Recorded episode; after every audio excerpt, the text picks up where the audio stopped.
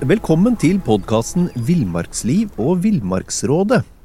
Mitt navn er Knut Brevik, og jeg er redaktør i bladene Villmarksliv, Jakt og Alt om fiske.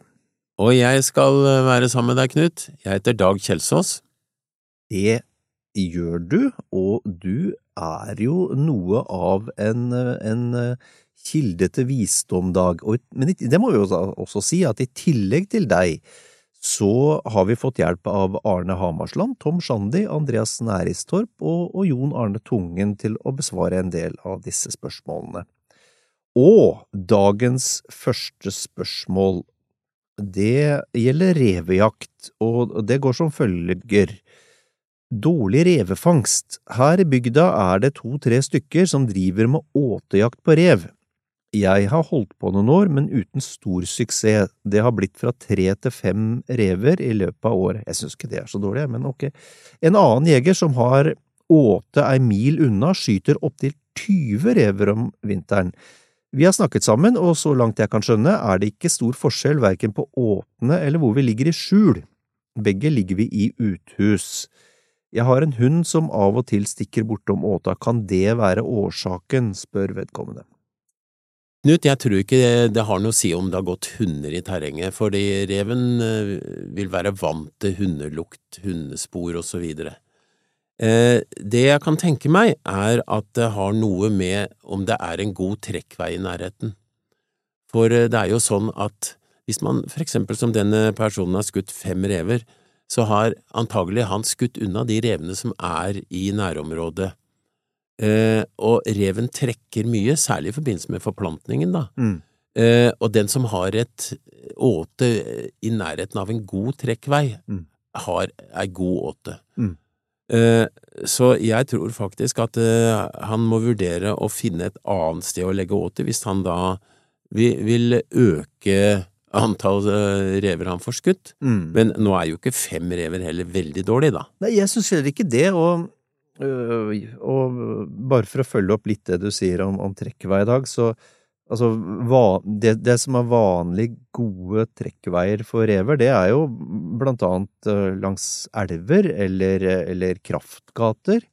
Og det kan være terrengformasjoner, sånn i kanten av, kanten av skog, blant annet. Ja. Um, og det, det, som, det, han, det han kan gjøre, det er å prøve å trekke trekke inn rev, og, og det er fullt mulig. Um, og det uh, gjorde jeg en gang, husker jeg. Jeg hadde en, en åte som jeg ikke, av, av, flere årsaker, ikke kunne ligge helt ved elva, men jeg måtte legge den 300 meter unna elva. Og da, da fora jeg inn rev, for til å begynne med så, så kom det ikke noe rev på åtet mitt, og så begynte jeg å fore den inn, og da gikk jeg i snøen, Eh, eh, fast rute fram og tilbake mellom elva, hvor jeg regna med at det kryssa rev, eller jeg så jo det, og at det hadde kryssa rev der, og la ut eh, la ut sånn hundepellets og litt matrester mm. inn mot åta mi, og det tok ikke mer enn Det var ikke ei uke engang, tror jeg, så var det rev på åta. Ja. Nei, det, det, er en annen mulighet, absolutt. Så, og, og det altså åte og åte, det er forskjellige ting, og du kan blant annet ha noe som lukter godt fra revens synspunkt, som du henger i eh, høyt oppe i lufta, så, så, det spres mye mer med vinden mm. enn om det ville gjort om det ligger på bakken og kanskje snør ned. Mm, ja, sant. Eh, så det er også en mulighet, og det, det går an å få kjøpt faktisk eh, sånn for reven da velluktende duft, men det her kan du få til sjøl med å la noe kjøtt råtne litt, og, og, ja, det er rakfisk og det er mye rart ja, ja. som lokker rev. Ja. Vi hadde jo et, et åte en gang, Dag, det, det, må vi snakke om, men kanskje ikke akkurat nå, men det var jo et fantastisk åte. Men der, der uh, la vi jo mye, mye, mye slakteavfall, det var fullt lovlig, og dette er en del år siden nå. Jeg husker vi til og med hadde en, en hel elg liggende der, trafikkpåkjørt. Ja, ja, ja, ja. Som, eh, og det gikk, det gikk forbløffende fort unna at den elgen eh, nesten forsvant til ingenting.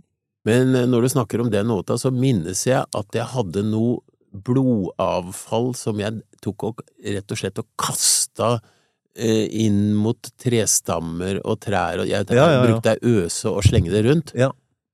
Uh, og det er en effektiv måte å gjøre det på også. Mm, mm. Så um, jeg foreslår at han vurderer eh, den taktikken først, og hvis ikke, så rett og slett å flytte åta. Ja, ja. Men eh, Knut, eh, nå skal du få et spørsmål om fuktige støvler. Det har jeg opplevd. Hvert år tilbringer jeg mange uker ute i felt i jobbsammenheng, og da blir det mye gåing i og fuktig terreng. Dette har jeg holdt på i mer enn ti år, men jeg er blitt vant til at jeg ikke kan sette føttene ned i gode, tørre sko neste dag. Han ligger sannsynligvis da et sted hvor det ikke er elektrisitet, vil jeg tro, siden han ikke bruker støveltørker, bare for å ha nevnt det. Åpenbart, ja. Han sier videre, jeg har byttet mellom mange forskjellige merker, men har ikke funnet fram til det optimale. Hvilket merke vil dere anbefale meg? Ja, altså vi anbefaler jo ikke modeller eller merker eh, her, men, men jeg tror at noen sånn generelle betraktninger rundt støvelbruk, typer og tørking, det kan hjelpe innsenderen et stykke på vei. Og punkt nummer én for fottøy til, eh, til eh, hans bruk er at eh, man må naturligvis ikke trenge inn vann utenfra. Og nesten alle støvler, enten det er i gummi, lær eller innslag av eh, andre stoffer, syntetiske materialer, de vil være forholdsvis eller tilnærma tette som nye. Og gummistøvler er selvsagt det aller sikreste, men mange, mange syns likevel at, eh, at det er et litt fuktig alternativ, da, fordi svetten ikke slipper gjennom noe, det må sies noe, noe svette slipper gjennom. Det er også Men- men- gummistøvler, da, men eh, Men eh, ikke gjennom selve støvelen, men da Nei. presses det opp langs leggen. For det er nok litt overdrevent dette her med at støvler slipper ut veldig mye fuktighet, da. Ja, de, de pustende støvlene, det er det, det høres veldig fint ut, men de puster ikke så veldig mye, de gjør ikke det. Så det som forsvinner av fuktighet, er stort sett det blir pressa opp langs leggen. Ja.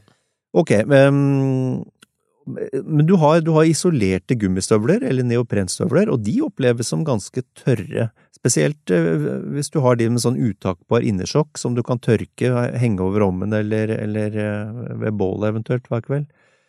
Um, og så har du jaktstøvler, eller høye lærstøvler. De, de kan ha et svakt punkt hvis, hvis pløsa er festa lavt, eller, eller det har sømmer da, som slipper gjennom fuktighet utenfra. For meg så høres det ut som, som han ikke får tørka støvla skikkelig om natta, og hvis det er tilgang til strøm, noe det ikke høres ut som det er her, da riktignok, men det er, jo, det er jo naturligvis en sånn type elektrisk støveltørker å foretrekke.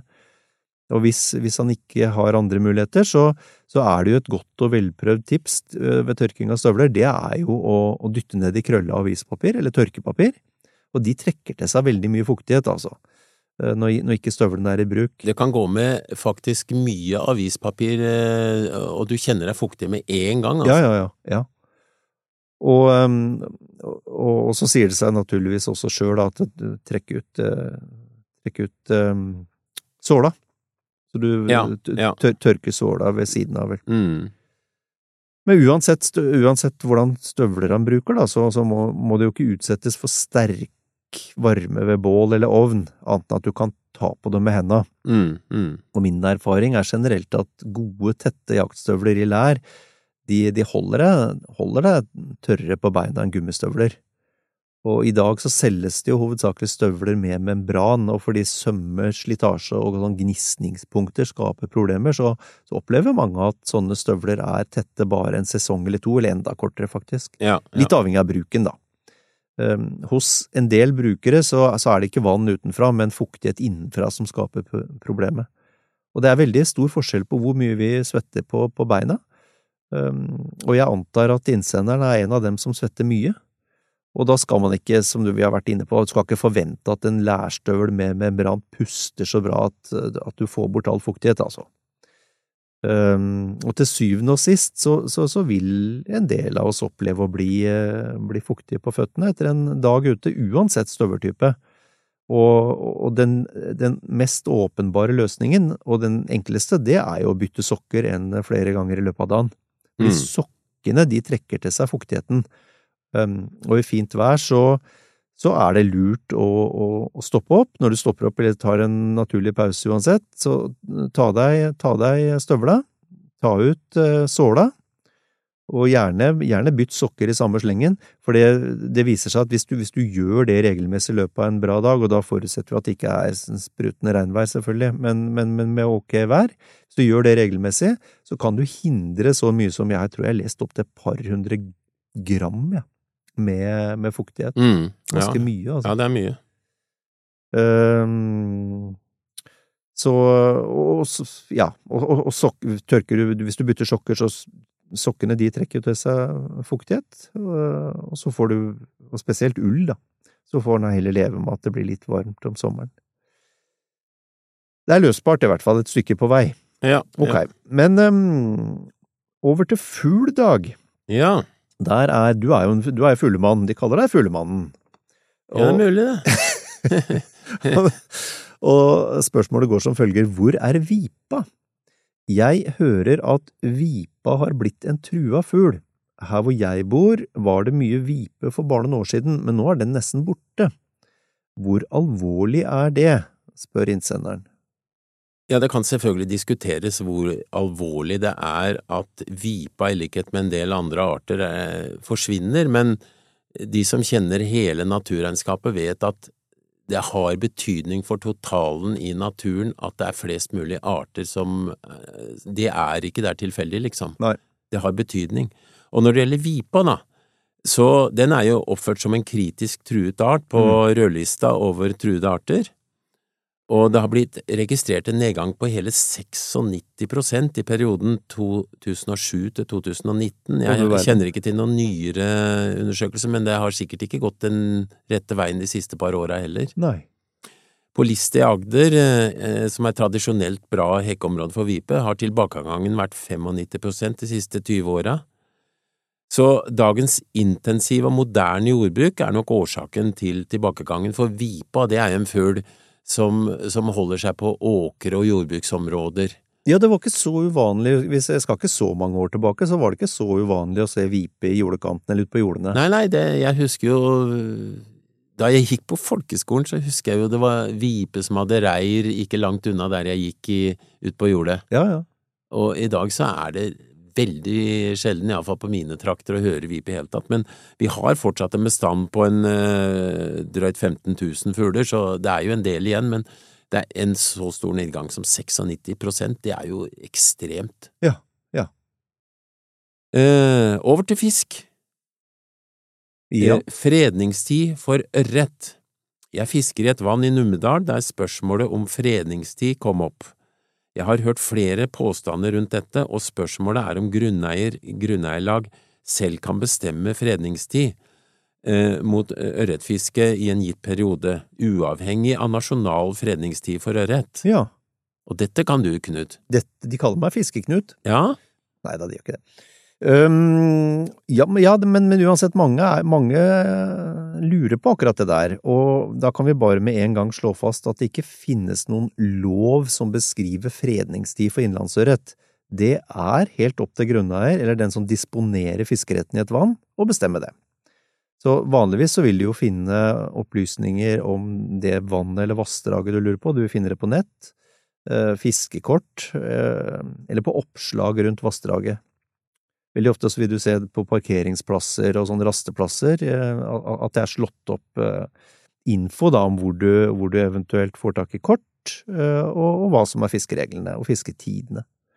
Og vanligvis så, så settes det et forbud mot fiske i gytetida, ofte i september-november. Gytefisken den er jo uansett ikke den beste matfisken, og noen, noen steder så er fiske tillatt hele året, unntatt, uh, unntatt i en sone rundt gyteelver eller bekker, og da kan det fiskes børret som, som ikke, skal, ikke skal gyte. Andre steder så er det forbud fra, fra gytestart og til og med isløsning, så det her, det her varierer, eh, fra vann til vann, fra vassdrag til vassdrag, og også fra område til område i Norge. Så så kan jeg, jeg kan jo skyte inn at i noen vann er det jo for mye ørret. Ikke sant? Det er en Og da er, det, da er det bare å fiske på gyteørret og alt som Ja. finnes av ørret hele året, for kanskje å holde bestanden litt nede, da. Så ja, og da er det jo naturligvis en velsignelse at det fiskes på det hele året. Ja. Så her må man, eh, her må man undersøke. Ålreit, men vi, vi holder oss litt til på, på fisk vi i dag. Her er et spørsmål om bettabellene, og det kan du litt om, det veit jeg. Jeg har sett litt på disse bet-tabellene som dere har i Villmarksliv. Er de bare til hjelp for dem som fisker Laks og sjøørret. Jeg er ingen laksefisker, men lurer på om bettidene også gjelder for fiske i sjøen, og hva med ørretfiske i innlandet? Ja, som du sa, Knut, eh, jeg eh, tror på bettabellene fordi jeg, eh, da jeg fiska veldig mye etter laks sjøl, erfarte at det har noe for seg. Ja. Når bettabellen sa at nå er det bra laksefiske, så merka jeg at i elva ble mye mer aktivitet på laksen. Ja vel? Så det funker, og, og dette er jo noe som da er utregna i forhold til uh, hva månen gjør, altså den har jo med høyvann og lavvann å gjøre, ikke sant, og Ja. påvirkningen, Ja. men det er også en del andre elementer som ligger i BET-tabellene, som er regna ut på den gang Norges største datamaskin. Ja. For villmarksliv kom jo med dette her for massevis av år siden, og, og det gjelder fortsatt. Eh, når det gjelder eh, eh, B-tabellene, så er det som sagt på laks de er best utprøva, men de funker også på sjøørret, Mm. eh, hvor det da tas mer fisk eh, etter bettidene når det er gode perioder. Mm. Eh, alle disse fangstene er jo eh, sjekka i elv, da. Eh, så, så hvorvidt det gjelder på sjøen og i innlandsfisk, det har vi ikke noe eh, undersøkelser på i denne sammenhengen. Nei. Men det er all grunn til å tro at månen og de påvirkningene som da gjelder fisken i elva, at det også gjelder i sjøen, for det her har jo med trykk å gjøre, og, og, og, og ting som, som fisken føler med sine ekstremt uh, lett uh, gode organer for å føle endringer, da. Mm. Mm. Så, så jeg vil si at uh, hvis du har muligheten, så, så følg bettabellene også på ørret i innlandet, og gjerne også på sjøen. Men så skal det nevnes at bettabellen er én ting, men vi har jo påvirkning av vær og vind, hvilke vindretning det er. Ja. Eh, det er erfaringsmessig best fiske etter ørret på kvelden, for eksempel. Ja. Så du har mange andre faktorer som kommer inn, så du må ikke skremmes fra å fiske hvis det etter etter bettabellene er dårlig fiske, men hvis det klaffer med alle elementene som eh, liksom skal eh, er med på å bestemme hvor, eh, hvor- glad fisken er i å, å spise, Ja. så, så det er jo helt 100% hvis du da har med deg bettabellen også. Ja, ja. Du, vet du hva, det her, um, dette her har du draget på, Dag. Jeg, du får en til, du, på fiske. Oi! Ja, og den går som følger lang stang for lengre kast. Har lengden på fiskestanga noe å si for hvor langt jeg kan kaste sluken? Hva bør jeg gjøre for å kaste langt? Det er todelt spørsmål altså, Dag. Ja, det er, det er jo flere, flere ting som spiller inn her, men det har definitivt noe å si eh, lengden på stanga. Det er lettere å kaste en sluk langt med ei lang eh, stang, fordi dette er jo sånn fysikk, kan du Mm. si da. Eh, eh, kraft ganger arm og den greia der, som du sikkert husker veldig godt fra skolen. Mm, mm. Um, Ei lang for kraftig stang og stiv stang i forhold til slukvekta vil ikke gi deg like lange kast som ei stang som er like lang, så, så det er ikke bare lengden. Nei. Eh, de, de som har dypere aksjon, eller er beregna for lavere kastevekt, de vil jo da ofte kaste bedre enn ei som er beregna for høyere kastevekt enn den du bruker, da. Ja, ja. Eh, Så det er viktig å, å tenke både kastevekt og aksjon hvis du er veldig opptatt av å kaste langt. Ja. Eh, Så har du en ting som kommer inn, og det er hvordan du kaster. Ok. Eh, For hvis du gjør et lite vipp med stanga, så Ja. får du bare utnytta den snerten som sitter i toppen. Hvis du derimot fører stanga bakover du, og starter kastet helt bakfra, og bruker en lang bue når du slenger ut, i tillegg til at du da får utnytta den lille svippen som gis av sjølve stangeaksjonen, så, så kan du kaste lenger. Ja, for da bruker du bevegelsen til hele stanga, da. Ja, du, og du, du får, altså det blir en, en, et enormt drag i sena Mm. og, og kraft mot sluken når du tar den lange svingen, og da bruker selvfølgelig også noe krefter. Mm, mm. Um, og så er det en annen viktig ting. Hold stanga i pek mot der du kaster. Ja. Altså, det bremser mye ringene hvis du øh, har, har en annen vinkel. så, så pek i kasteretningen når du akkurat avslutter kastet. Akkurat. Da fyker snøret enda lettere ut. Ja. Uh, så, så det er flere ting som teller her. Eh, for, ja, skal vi se, er det noe mer vi skal tenke på? Nei, var, Lina, altså uh, hvor tynn line har du? Ei tynn line kaster mye lenger enn ei tjukk line, som da bremser mer og det, det, i, i både ringer og når det går av snella, ikke sant? ja, ja, ja. Og som veier mindre i lufta. Mm. Så derfor så bruker jo veldig mange sånn multiline, multifilament, som er veldig sterk i forhold til tykkelse. Eh, hvis du bruker sene, så kanskje du har ei 0,30 mm sene som tilsvarer ei multiline på bare 0,12 mm, og da sier det seg sjøl at den multilina fyker lettere av. ja, for det blir mye mer friksjon når tjukk Ja. line skal Ja. av snella, blant annet. Ja, snellesporen. Så det, det er flere elementer som teller her, og, og så har det noe med trening. Hvis, eh, hvis eh, vedkommende trener litt med forskjellige kasteteknikker og sånn, så vil det dukker fort opp eh, aha-opplevelser her på at oi, jeg tenkte ikke på at jeg hadde vink, feil vinkel på stanga, for eksempel i kastet. Nei. Og så må, må snella være fylt opp riktig med passe mengde snøre, så det ikke bremser rundt spolekanten på ei haspelsnelle, da. Nettopp. Ikke for lite, med andre ord. Ikke for lite snøre, for da bremser det mer. Ja. Men er det for mye, så kan det bli tjafs. Nettopp. Så det er en balanse her òg. Ja, ja. Ja, så går vi over til noe for deg, Knut. Eh, du er kanskje ikke kjent for å være overtroisk, men hør nå her. Det er en som spør om det finnes sjøormer. Jeg kjørte nylig forbi Seljord i Telemark og ble oppmerksom på et skilt som pekte bort til et observasjonstårn for sjøorm. Hva er fakta rundt den såkalte sjøormen i Seljordsvannet? Å, du verden. Ja. Ehm, jo, nei, la det være klart med en gang, da, at det, sjøormen fins ikke. Men, men kommunen har jo lagd en gimmick rundt det her. Og, og det, er jo, det er jo smart hvis man vil ha litt oppmerksomhet og trekke folk til, til, til kommunen, Ja, til bygda. I, ja, i hvert fall 250 år så har nemlig folk hevda sett et stort og ormelignende dyr i Seljordsvannet.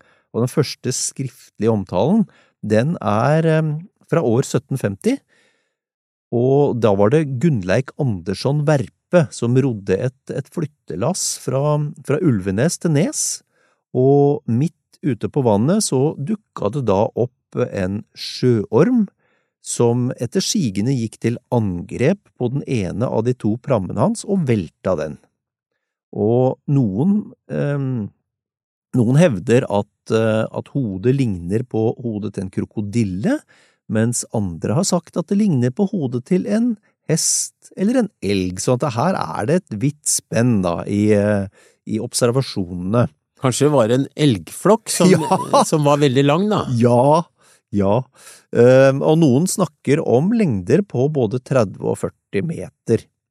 Det er som, som regel noen observasjoner hver sommer, men, ehm, men, men igjen, vitenskapen har aldri eh, klart å avdekke at det finnes en, en sånn skapning i Seljordsvannet. Og her er det brukt mye ressurser i, ikke bare i Seljordsvannet, men i Loch Ness og andre steder. Ikke sant? Så ja, vi Og- får tenke hva vi vil. Vi, vi tenker hva vi vil, øh, og i, det jeg tenker, det er at i alle kulturer så er det et, hva skal man si, et eller annet sånt slags sug etter, øh, etter det overnaturlige, etter det mystiske, etter det ukjente, og så dannes det myter. Du har alt fra den avskyelige snømannen øh, og sånn yeti Ja, men den, den fins. ja, naturligvis, naturligvis. nå må du gi deg, da. Nå var jeg dum. Oh.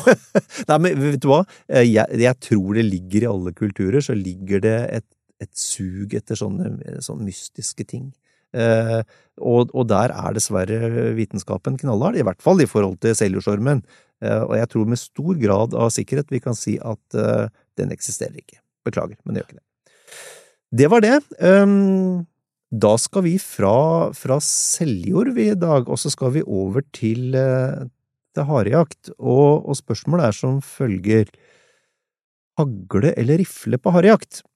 Jeg har fått jaktløyve i et område ved hytta like ved tregrensa, og vet at det er mye hare i fjellskogen og på Setervollen i området. En kompis skal stille med hund, og vi ser veldig fram til dette. har hørt at en harejeger i området i gamle dager jaktet hare med rifle. Han er for lengst død, men jeg vet at han brukte hund. Er ikke det litt spesielt? Jeg har hørt og lest at det er hagle som brukes på slik jakt.